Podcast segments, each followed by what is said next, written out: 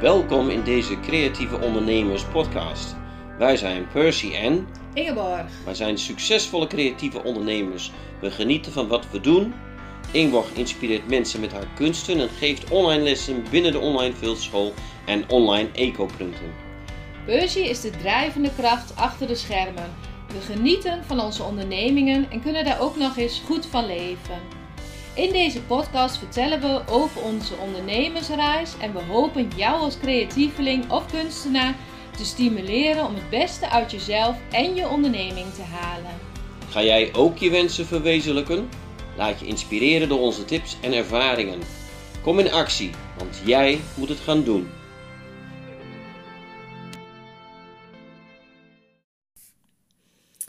Goedemorgen, welkom in deze podcast. Of eigenlijk is het inmiddels middag. Bij ons gaat het wel eens een beetje anders qua planning. Maar we proberen ons er altijd aan te houden dat we op zondag een mooie nieuwe podcast voor je opnemen. En zo ook vandaag. Ja, zondag vaste prik. Maakt niet uit wanneer, we doen het wel. Ja, want het geeft ons mooi de rust om nou, over een thema na te denken, even voor te bespreken en daar weer een mooi verhaal van te maken voor jou. En vandaag gaat het over prijs bepalen. Mhm. Met als titel: Prijs bepalen, een lastig onderwerp. En dat is het ook. Het is altijd een onderwerp wat voorbij komt. Nou, uiteindelijk heb je iets gemaakt en je wil gaan verkopen. Maar ja, wat zal ik dan voor gaan vragen? Ja, ik denk dat dat wel een van de meest gestelde vragen is die ik krijg ook van cursisten of zo. Als ik het dan heb over eh, dat ze willen ondernemen of dat ze werk willen gaan verkopen. En de vraag die ik dan echt het meest krijg is, maar wat vraag ik er dan voor? Ja. En, ehm, ja, en wat vra waarom vragen andere mensen dan de prijzen die zij dan vragen? Hè? Dus het blijft dus toch al een beetje een soort van ja, vaag gebied, dat prijs bepalen. Ja, Maar hoe kun je dat een beetje minder vaag maken? ja nou, volgens mij hebben wij gewoon de oplossing. Oh, dus het hebben is wij de oplossing? heel makkelijk. Kijk, Nou, nee, zo simpel is het inderdaad niet. Ehm, nou, er zijn een paar dingen die je kunnen helpen bij het bepalen van de prijs. En misschien is het goed dat we eerst een paar algemene tips geven. Waar je gewoon direct zelf wel wat mee kunt. ja. Ehm, Nou ja, kijk, een voorbeeld is natuurlijk ook hè, materiaal die je dan kiest. Hè. Ga je eh, iets maken van, eh, van, van plastic of ga je iets maken van goud? Nou, hè, de waarde van het materiaal zorgt eigenlijk al een beetje voor dat je dan anders gaat denken. ja, En ehm, ja, eh, ga je iets maken wat dan ook overal verkrijgbaar is? Nou, ik noem maar iets. eh, eh, een, tafel of zo. En dan ga je dus een, een andere tafel ga je maken. Nou, die tafels kun je ook bij andere winkels krijgen. Dus de concurrentie is daarin wat groter. Ehm, en waardoor dus je eigenlijk gewoon heel goed gaan, moet gaan kijken van... ehm, moet ik dezelfde prijs aanhouden of moet ik anders gaan denken? Ja, dus hoe, hoe meer hetzelfde maakt van, van iets wat al bestaat... het gaat eigenlijk al bepalen wat je prijs is. ja, tenzij je eh, het voor elkaar weet te krijgen om daar iets heel unieks van te maken. En echt ver boven de rest uit te stijgen. Want dan kom je in een andere categorie, wat mij betreft. Ja, dat is ook zo. Van als je dan dat voorbeeld weer even erbij pakt als tafel. ehm, als je, je kunt een tafel maken van heel simpel eh, hout wat je in de bouwmarkt koopt. Maar je kunt ook eh, een tafel gaan maken van eh, notenhout. Die dan helemaal ehm, eh, gaat, gaat versieren met, eh, met, met, met allerlei ornamenten. En je gaat hem zes keer lakken in plaats van één. Nou, dat zorgt eigenlijk ook een beetje voor dat je prijsbepaling ook wat hoger gaat liggen dan een tafel die dan gewoon bij de IKEA gaat kopen. Ja. ja, dat is denk ik het grote verschil. En ik denk dat we daar zo nog wel even wat verder op ingaan. Hè? Want het gaat dus om het product wat je maakt. En het gaat om de klant die je daarvoor zoekt. En het gaat om het label. Eh, maar even nog gewoon een korte tip voor mensen. Hè? Als je nou snel op zoek bent naar wat voor prijs kan je vragen. Jij noemde straks een mooi voorbeeld van dat je ook gaat kijken wat anderen vragen. Ja, je kunt dus vergelijkbare producten of diensten eh, even opzoeken. Ehm, misschien kun je dat online wel vinden. Misschien moet je toch iets meer moeite voor doen en even naar, naar ze toe gaan om te kijken wat verkopen ze nou en wat kost het allemaal. En ga dan een soort van eh, meerdere eh, aanbieders opzoeken. Eh, schrijf al die prijzen op en maak een soort van gemiddelde van. Hè. Er moeten wel dingen zijn die een beetje lijken op wat jij aan het doen bent. Maar je kunt dus daarmee dus een soort van gemiddelde prijs bepalen. En je denkt van, goh, zo zou het wel kunnen zijn. Maar dat is een hele snelle methode. Ja, Nou, stel je hebt, uh, noem maar iets, een, een, klein product en je hebt opgezocht en de gemiddelde prijs komt op 50 euro uit. Van wat anderen ervoor vragen. Dan is het aan jou om te bepalen hoe voelt het dan, hè? Want het is ook altijd belangrijk als je iets verkoopt, dat de prijs die je daarvoor vraagt, dat je die zelf kan dragen, noemen ze dat. Dat je er ook achter staat. Uh, en soms moet je dat een beetje leren of moet je daaraan wennen. Soms denk je zelf nog, poeh, dat is best duur. Nou, als jij daar staat en je noemt die prijs met het gevoel, dit is best duur, dan voelt die ander dat ook, zeg maar. Dus dat is wel heel belangrijk. Dus op het moment dat daar 50 euro uitkomt, dan is het belangrijk om bij jezelf te voelen van, hoe voelt dit voor mij? Ben ik blij als ik dat ervoor krijg? Uh, spring ik een gat in de lucht als ik iets voor die prijs verkoop? Of denk ik, ja, die heeft mooi Marcel en ik uh, schiet erbij in. Ja, dat is ook wel een dingetje. Dat je misschien wel het gevoel hebt van ik vraag nu te weinig. Hè, voor alle tijd en materialen en energie die ik erin heb gestopt.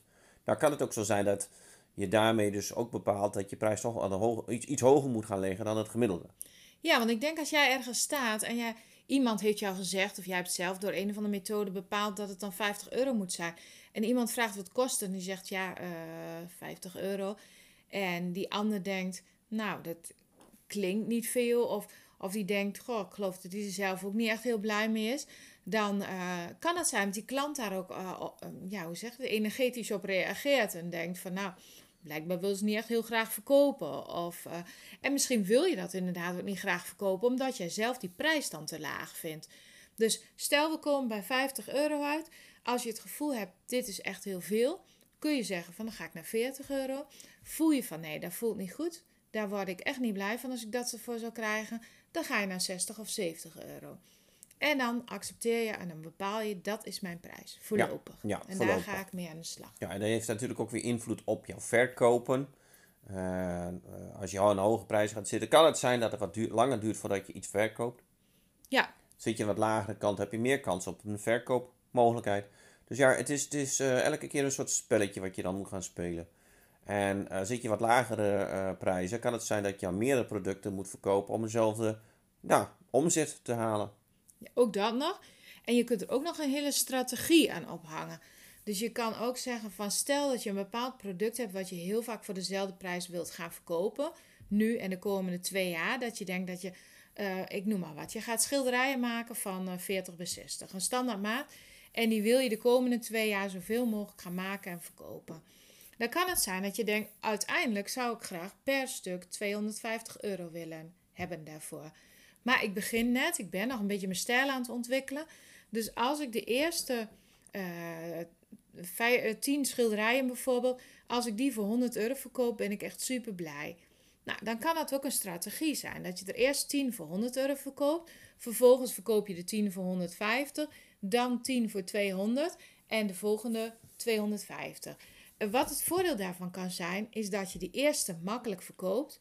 Dat je kan vragen aan mensen bijvoorbeeld om reviews. Wat ze van je schilderij vonden, wat ze van je uh, service vonden, dat je het netjes hebt afgeleverd, dat soort dingen. En op die manier kun je het opbouwen.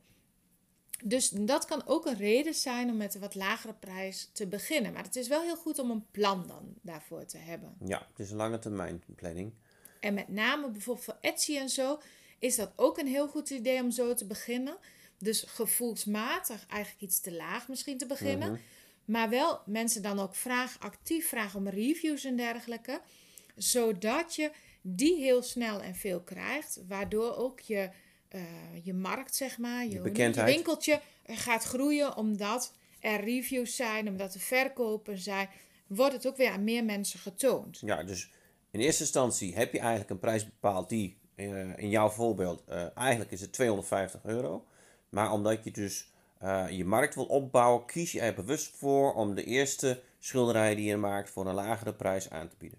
Ja, dat zou de tactiek dan zijn. Oké, ja. helder. Maar het is wel belangrijk dat je dus een plan hebt. Want dan voelt het ook oké. denk je, nou, die eerste tien, prima. Dat is een soort reclamegeld wat ik dan meegeef als het ware. Hè? Want je kunt ook gaan adverteren voor dat, wat je eventueel meer zou kunnen verdienen.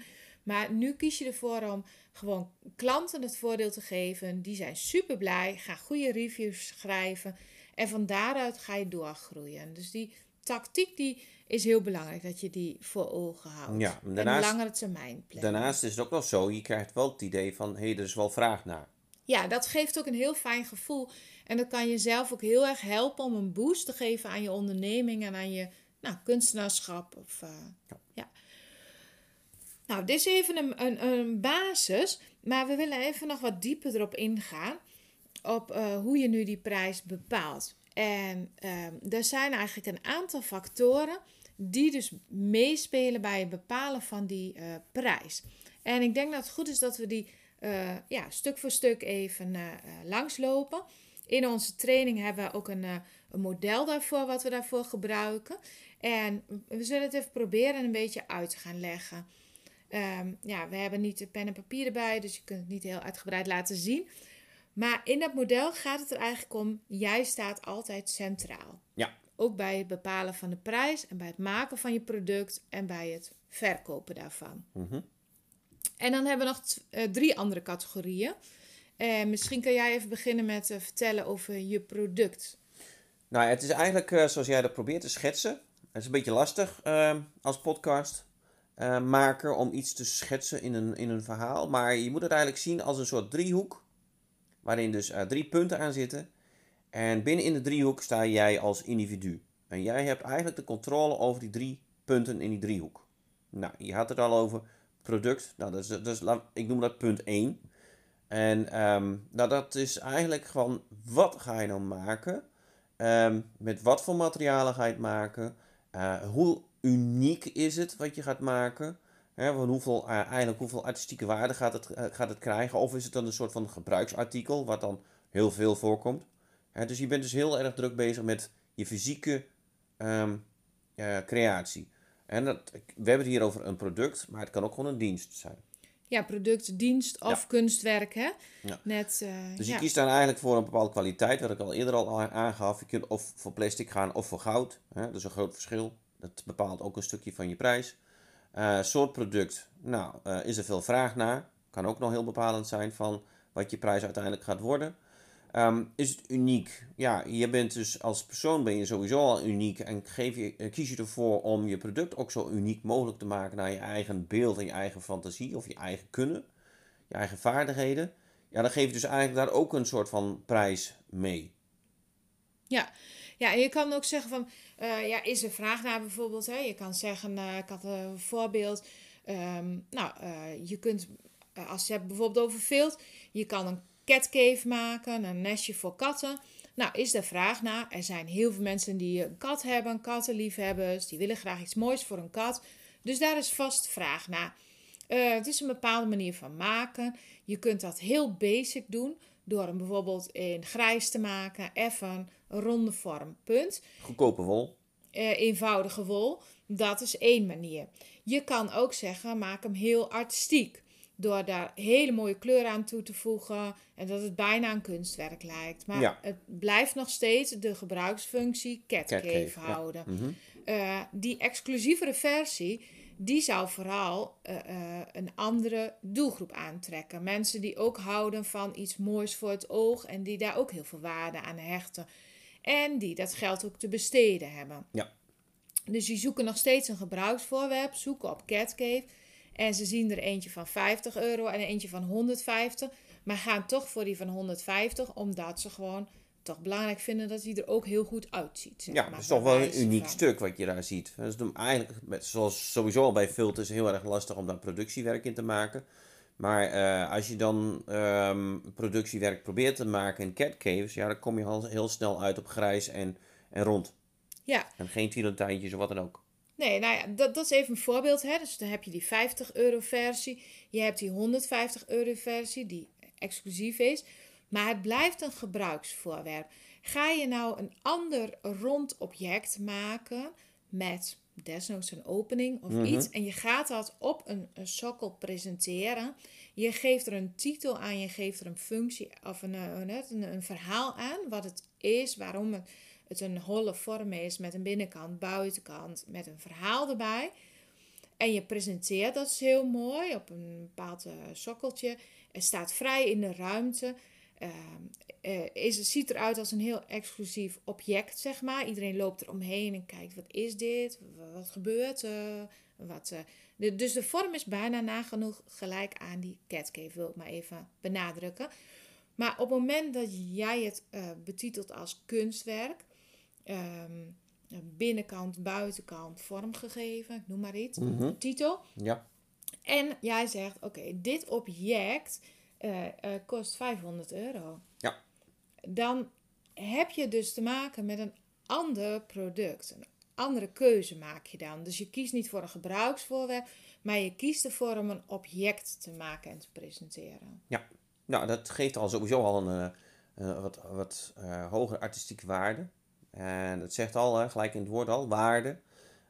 Je prijs is dan ehm, wat hoger. Want het product is natuurlijk veel meer, heeft veel meer toegevoegde waarde gekregen. Ja, en- en zo kan je het ook met de eh, schilderijen bijvoorbeeld. Kijk, je, als je een schilderij, je kan een uniek stuk maken. Eh, je schildert daar eh, weken over misschien en je hebt een heel mooi schilderij gemaakt. Dan eh, eh, kost dat misschien eh 1000 euro, dat schilderij. Mhm. Maar je zou er ook voor kunnen kiezen om een foto van dat schilderij weer af te gaan drukken op canvas. En het vervolgens als serie te verkopen. Ja. Want je zegt, ik ga er nog tien van verkopen.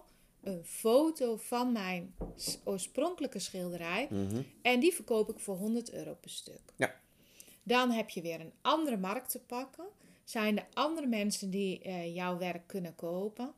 En nog een ander voorbeeld is dat je er ook zelfs een gebruiksvoorwerp van kunt maken door er een kaart van te maken Ja. die mensen kunnen versturen. Dus diezelfde afbeelding van dat schilderij kan op een kaart terechtkomen en die kaart kan dan nou, 3,50, 4 euro kosten. En misschien kun je daar wel weer 1000 van verkopen. Ja. Dus dat is, wat is het product en welke prijs kan of mag daar dan aan hangen? En eh, nou, een van de factoren die dat bepaalt ben jij dus. Nou, de grootste factor. De grootste Ja. factor. Mhm. Want jij gaat kijken van wat wil ik gaan maken. En wat, waar is een vraag naar? Ja. Dus ik hoop dat dat punt even een beetje duidelijk is over het product. En dan hebben we een andere factor in de piramide, een ander punt. En dat is je klant. Want je klant bepaalt mede ehm, ja, wat, eh, wat jij krijgt voor je product. Nou, je hebt een klein stukje al eigenlijk aangehaald bij het product. Je kiest ervoor om eh, met, met duurdere materialen te werken, of je kiest ervoor met goedkope materialen te werken. Je gaat daar eigenlijk mee, dus je prijsbepaling ook ehm, eh, variëren. En eh, dan kan het zo zijn dat je dan in een of een hoog segment, of een middensegment, of een laag segment van de markt terechtkomt. Beetje, beetje afhankelijk van ehm, wat jouw kostprijs is en eh, wat uiteindelijk dan het, extra winst wat je dan daarmee zou willen halen. Ja, en om maar even weer het voorbeeld aan te halen wat we net hadden. Eh, het is dus heel belangrijk dat je de juiste klant selecteert, zeg maar. Dat je je werk aan de juiste klant laat zien waar het ook bij past. Als je het hebt over die schilderijen, dat handgeschilderde eh, schilderstuk van 1000 euro, die hoort in een galerie. Ja. In een galerie komen mensen die een uniek schilderwerk zoeken en daar een budget voor hebben. Die eh, afdruk van het schilderij bijvoorbeeld, die kan je misschien zelfs wel in een eh, meubelzaak eh, eh, verkopen. Waar ze wat goedkopere meubels hebben, maar toch ook graag wat aankleding. Ehm, en die kun je misschien ook makkelijk op, in een Etsy shop of zo verkopen. Of op je eigen website. Ehm, die kaarten, die kun je zelfs bij de winkel om de hoek verkopen. Maar dat schilderij van 1000 euro zal in, bij die winkel om de hoek niet zo goed gaan. Mhm.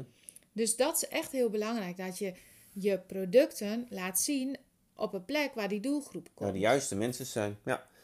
Stel je voor dat je alle drie, de schilderij, je afdruk en je kaarten, op één kraamhart eh zou hebben staan. eh, op een beurs. Ehm, dan hoop je dat er misschien al wel van, van alles daar rondloopt. Van hoog naar laag. Dat er mensen met, geld, met een buidel zijn en mensen die met een kleine buidel rondlopen. Ehm, alleen dat is dan een beetje, een beetje gokken. Dat is een beetje zo van, goh, ehm, ik heb niet, me niet zo goed voorbereid op de beurs. En ik weet niet precies welke doelgroep er eh, gaat komen. Maar als je dan van tevoren wel weet van wat is dan de gemiddelde beursbezoeker, is dat een middensegment. Nou, dan kan je er sowieso al die schilderij misschien wel ophangen puur als voorbeeld. Hè? Of als, als, als, als eh, eh, hoe noem je dat? Als, lokketje. als lokketje of, of als versiering. Ja. Ja, van kijk eens, dit is dan de originele. En ik heb ze ook in het goedkopere versie, omdat ik dus ook nog eh, allerlei afdrukken heb eh, laten maken.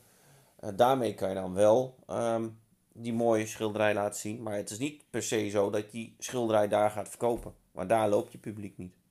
Nee. nee, dus daarom is dat echt heel belangrijk om dat goed uit te zoeken. Dus die klant is heel bepalend voor de prijs die Zeker. je ervoor krijgt en die je ervoor kan vragen of wilt vragen. En wilt betalen, ja. afstemmen. Mhm. Ja. Dan is een andere factor, is het label hebben wij het genoemd. Het label wat er aan je product ge- ehm, gehangen wordt door jou, door je klant en misschien ook wel door de markt of door ja, wat, wat anderen vinden. Hè? Wat soms ook wel een beetje het collectief. Mhm. Ehm, en dat heeft ook weer te maken met wat we net zeiden over dat product. Van eh, een catcave, daar zit een minimum, maximum ongeveer aan, gemiddeld wat mensen daarvoor zouden geven. Daar zit, ja, daar, daar- ergens is daar wel iets over bepaald. Als, als het heel erg hoog is, dan vinden mensen dat belachelijk duur misschien. Mhm. En dat heeft natuurlijk met die klant te maken, want de een vindt dat veel eerder duur dan de ander. Maar er zitten gewoon wat, ehm, ja, wat grenzen aan, zeg Ja. maar. ja, als je te veel gaat vragen voor die catcave, heb je gelijk al een label van ja, die is veel te duur. Ja, Dat is ook een label wat je niet wil hebben. nee, ook ja, dat, dat, is- dat is inderdaad ook iets wat mensen ervan vinden. Heeft natuurlijk te maken met welke klant je voor je hebt Ja. staan. Eh, een ander dingetje wat het label bepaalt, is natuurlijk ook de kwaliteit van je, van je product. Ehm, eh, ja, je ziet het er vaak wel aan af als iets echt kwaliteit is, zeg maar. Als jij de juiste verf hebt gebruikt, de juiste materialen, als het netjes afgewerkt is, eh, als het op een ja, mooie manier gepresenteerd is. Dus bijvoorbeeld dat je de foto's niet zo in de huiskamer hebt gemaakt met iets er nog achter, maar dat het een mooie fotosetting is. Dat, dat geeft iets van kwaliteit eh, weer. Ehm, een andere eh, label is bijvoorbeeld of het uniek is. Mhm.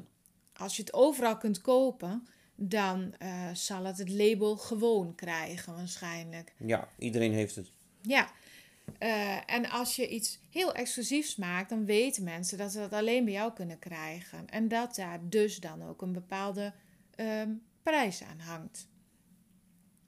Even kijken, welke zijn er nog meer in die categorie? Ehm, Nou ja, je hebt dus ook over eh, de, de schaarste gehad. Hè? Van, ehm, eh, zijn er maar een paar eh, van die dingen, van, van, die, van die producten. Dan kan het al zo zijn van, hé, hey, maar ehm, eh, dan, dan, dan zal dat de prijs ook al e- enigszins omhoog drijven. Want er zijn maar een paar je weet hoe dat gaat. Zijn er maar een aantal dingen eh, te koop, dan zal het eigenlijk wel ervoor zorgen dat die, prijs, die marktprijs omhoog gaat. Ja, en dat is, heeft ook alles dan met vraag en aanbod te maken. Hè? Dat zie je ook wel eens op van die kunstveilingen bijvoorbeeld. Ehm, op het moment dat een, een schilder gewoon een hele grote naam heeft, is, en er komt een keer een stuk eh, in, op de handel, in de handel, wat eigenlijk bijna nooit gebeurt, dan zijn er best veel mensen die dat graag willen hebben. Ja. En dan betekent dat het zomaar naar de miljoenen kan gaan, omdat het gewoon bijna nooit te koop is. Nee, nee, dat is eigenlijk alweer een combinatie van de schilder, hè? dat is dan in dit geval eh, het, het- jij in het centrum van die, van die driehoek. Eh, die heeft dan een bepaalde naam. En als daar eenmaal een schilderij van komt, dan krijgt hij al snel al de label van hé, hey, dit is heel veel waard. exclusief en Ja. heel veel waard. Ja. Dus ja, dat is natuurlijk de, de mooiste eh, als je dat kan bereiken. Dat Nou ja, dat is heel gewild wordt. Maar het is eh, wel, wel prettig om dat te doen voordat je, laten we zeggen, met pensioen bent gegaan. Ja, je bedoelt eigenlijk voordat je dood bent. Dat is zoiets. Probeer het netjes te doen. Heel veel schilders eh, van vroegere tijden, die zijn natuurlijk eigenlijk pas... eh, die, die werken zijn pas veel waard geworden nadat ze er eigenlijk al lang niet meer waren. Ja, ja. Waarschijnlijk een slechte jammer. marketing geweest toen. Ja, ik denk dat ze geen Facebook hadden en geen internet. Nee. Dat is Dus toch ja. jammer voor ze. Maar eh, heel, heel, heel bepalend is natuurlijk ook eh, jij als persoon. Hè? Zoals jij dan staat binnen in die driehoek. En je kunt ervoor kiezen om ehm, een klein ikke neer te zetten of een grote ikke. Hè? Dat is eigenlijk een beetje ehm, eh, ook iets waar je mee kunt stoeien. Wil jij zichtbaar zijn of wil jij dus onzichtbaar zijn? Ja, En wil jij dus heel veel ehm, eh, invloed hebben op het bepalen van die drie punten in je driehoek? Of heb je zoiets van, ik laat de markt wel bepalen wat ze willen? Ja, nou ja, dat is aan jou inderdaad. Maar ik ben er wel van overtuigd dat op het moment dat jij een groot aandeel daarin hebt, zeg maar. Dus dat jij eh, heel nauw betrokken bent bij je product, wat je denk ik uiteraard bent als maker, als het goed is. Dat je dus echt ook gaat voor eigenheid en originaliteit. Dat is een belangrijke factor. Een ander ding wat jij, als je eh, zelf daar heel goed stevig en stabiel in staat, is jouw connectie met je klant. Mhm. Als je dat goed doet, dan eh, heeft die klant, eh, die vertrouwt jou, die gelooft in jou, die ziet wat je doet en die zal ook eerder bij je kopen. Dus dat is een goede factor. En jij hebt ook invloed op het label wat aan jouw werk komt te hangen. Door de manier waarop je er zelf over praat, de manier waarop je het laat zien, eh, de eh, plek waar je het neerzet, de eh, dingen waar je je mee verbindt, waar je je over uitspreekt misschien, waar je nou, jij kan gewoon je, jouw eigen label, maar ook het label van je product, zeg maar, bepalen door, nou, door je uitstraling, door Ja. wie je bent, wat je laat zien, wat Precies. je doet. Je eigen presentatie. Hè? En het is ook soms ook wel een wisselwerking, dat je dan ehm, allerlei informatie terugkrijgt vanuit je product, vanuit je klanten, vanuit, vanuit je labels. Dat je dan daar een aanpassing aan jezelf zou kunnen doen. Ehm, omdat je dan misschien verder wil gaan groeien. Hè? Dus eh, ehm, het, het, het is een soort wisselwerking. Ja, nou ja, daarom is het ook zo dat wij in onze eh, programma, zeg maar, besteden wij eh, uiteraard eh, ook aandacht aan de prijs bepalen voor producten. Maar ik denk dat we dat nu ook wel hebben aangegeven. Het is veel groter dan alleen maar even een vraag beantwoorden over prijs bepalen. Het gaat om het goede keuzes maken voor je product, dat heel bewust te doen. En goed te kijken wie jouw ideale klant is en waar ga je op richten. En kijken welke invloed kan je als persoon hebben op je label en op je product. Zodat je een goede positie opbouwt, zeg maar positionering. Zodat je je werk gewoon goed gaat verkopen. En dat heb je dus niet in drie woorden gezegd. En dat is eigenlijk gewoon een proces van een aantal maanden. Tenminste, in een aantal maanden kun je daar behoorlijk in groeien. Door jezelf daar gewoon wat duidelijker in neer te zetten. Goede keuzes te maken. Daar actief mee aan de slag te gaan. Nou, dat is wat we in ons vijf maanden programma doen. Mensen daarin begeleiden. Om dat heel concreet te krijgen eigenlijk. Zeker, ja. Ehm, Maar ga niet jezelf dan in de uitverkoop zetten. ehm, zodat- je dan eigenlijk gewoon zelf eh, geld toelegt op datgene wat je maakt. Dan, dan zit je toch ergens verkeerd. Ja, het is ook jammer, want het is, doet denk ik ook geen goed aan je eigen waarde en aan, eh, eh, ja, aan je mensen, aan je kunstenaarschap. Want uiteindelijk denk ik dat jij ook voor groei wilt gaan. Precies, eh. precies.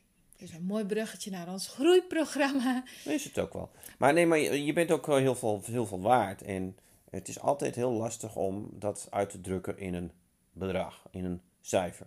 Eh, heel veel heeft te maken met gevoel, heel veel heeft te maken met ehm, hoe je er zelf in staat. Eh, maar ga alsjeblieft jezelf niet te koop neerzetten. Nee, zou ik ook zeker aanraden. Nou, mocht je meer over ons willen weten, kijk even op de website www.decreatieveondernemers.nl en dan vind je ons eh, gratis e-book en eh, je kan je ook inschrijven voor de wachtlijst voor ons programma, die waarschijnlijk begin april weer start, 2022. Ja. En eh, je kan je inschrijven voor de wachtlijst, zodat jij als eerste op de hoogte gehouden wordt en we je alle informatie daarover kunnen sturen. En tot Misschien heb je dan op dat moment, omdat je op de wachtlijst staat, ook wel te maken met een early bird korting. Jazeker, dat Ah. gaan we wel doen. Ja, ja, ja. Ja, dus dat is altijd gunstig om je op de wachtlijst te zetten. Je bent nergens toe verplicht, maar eh, het is een mooie kans om eh, als eerste erbij te zijn en om die informatie te krijgen en de korting natuurlijk Ja. eh, mee te pakken. Ja, oké. nou, dankjewel voor het luisteren weer en we hopen natuurlijk dat je hiermee aan de slag gaat. Laat ons ook even weten wat je ervan vond. Stuur even een e-mailtje of zo. Vinden we ook heel leuk om te horen wie er luistert en wat jij met deze tips hebt kunnen doen. En eh, wens je een hele fijne creatieve dag en tot de volgende keer. Dag! Bedankt voor het luisteren naar deze podcast. We hopen dat je weer geïnspireerd aan je creatieve onderneming gaat werken. Want wensen komen niet vanzelf uit. Die kun je zelf verwezenlijken door duidelijke doelen, door erin te geloven en door structuur en focus aan te brengen. Wil je daar wat ondersteuning bij? Een mentor die met je meekijkt en je aanmoedigt? Wil je onderdeel zijn van een netwerk van creatieve ondernemers? Kijk dan even op de site decreatieveondernemers.nl.